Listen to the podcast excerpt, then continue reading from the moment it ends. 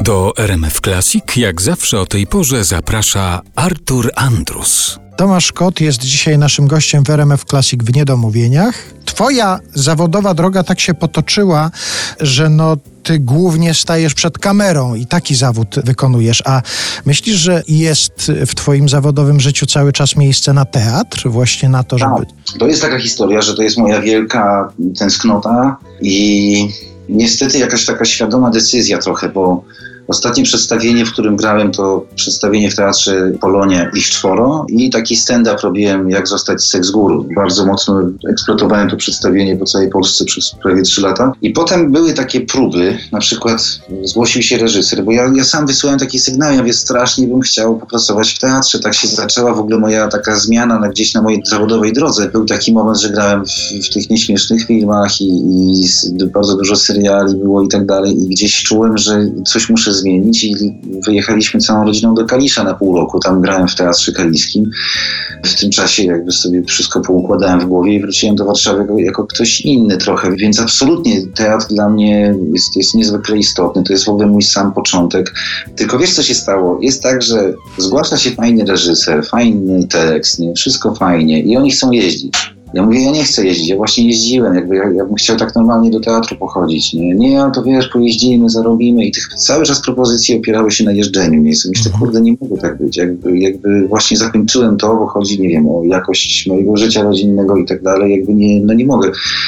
Bo ja rozumiem to myślenie, że jak mamy kota, to, to tam te bilety i tak dalej, ale kurde, nie, co, coś, coś tam się nie udało, coś nie wyszło. To jest jeden powód, a drugi powód jest taki, że w chwili, kiedy zaczynają się te, te takie skrzydła międzynarodowe, i coś się pojawia i trzeba nagle być, tak jak to spotkanie we wrześniu, o którym ci mówiłem i tak dalej, no to po prostu ja muszę przerwać, odwołać i pojechać. Jakby, no i pomyślałem sobie, to jest nieodpowiedzialne z mojej strony. No ale ostatni czas był taki, że naprawdę tęskniłem i, i żałowałem, że tego nie ma, ale też wiedziałem, że jakby było, to byłoby ciężko. Jeszcze mnie korci, ale to jest moje skrzywienie zawodowe, żeby zapytać, no to o teatrze to wiem, a czy na kabaret jeszcze będzie? Pewnie nie wszyscy nasi słuchacze wiedzą, że nie, na przykład... Nie, wszyscy wiedzą. Artur, dzięki dzięki, że mi to przypomniałeś, bo ja właśnie teraz się tak pomyślałem, kurde, zapomniałem o tym. Drodzy słuchacze, chciałem wam coś opowiedzieć, pewną historię, jak poznałem Artura Andrusa. Otóż byłem bardzo biednym studentem PWST w Krakowie i jak każdy taki student szukałem jakiegokolwiek zarobku, czyli po prostu wszystko, promocje w sklepach, tak zwane hałtury, no cokolwiek, żeby jakoś tam przeżyć. Ale nie opowiadaj nikomu, że ja ci jakieś pieniądze załatwiłem, bo nie, i tak nikt w to nie uwierzy. Nie, nie, nic z tych rzeczy. I teraz co się wydarza? Nagle zgłasza się do mnie Andrzej Talkowski z kabaretu Kuzyni i mówi tak. Stary, taka jednorazowa sprawa, są przesłuchania do paki i do kabaretonu, potrzebuję konferencjera.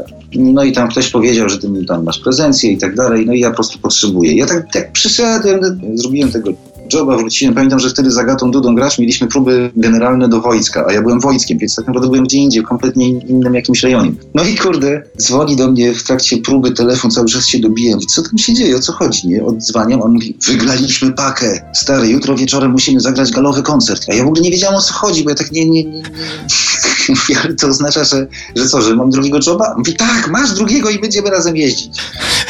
Ja mówię, no to super, dobra. I od tej pory zaczęło się takie trzy lata kabaretowego życia, gdzie poznałem jakby wtedy, oczywiście jako taki aktor supportujący, nie wiem, zapowiadający, robiący konferencjerkę i tak dalej. Ja nie byłem tam nikim istotnym, żadnym kluczowym elementem.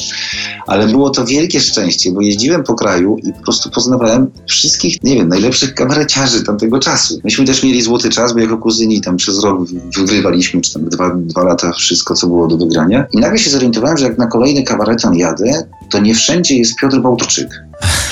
No i tak nagle patrzę, pamiętam pierwszy kabareton, nie wiem, czy ty prowadziłeś kiedyś mulatkę? Tak, tak, mazurskie lato kabaretowe. Nie, tak. nie pamiętam. Kurde, pamiętam, że jest jakiś facet, nie, nie widzę cię, nie? Stoję w kulisach tam gotowy z Andrzejem, z jego synem, nie z jego żoną i słyszę taki jakiś spokojny ton, nie? Tam coś zacząłeś śpiewać w pewnym momencie, co myślę, co on, kurde, napił się, coś, co, co chodzi? To był mój pierwszy raz, wiesz, taki w życiu, nie? Potem zacząłem zaglądać za ten kulis, co ty tam wyrabiasz, nie? Artur, to jest moje pierwsze spotkanie ciebie.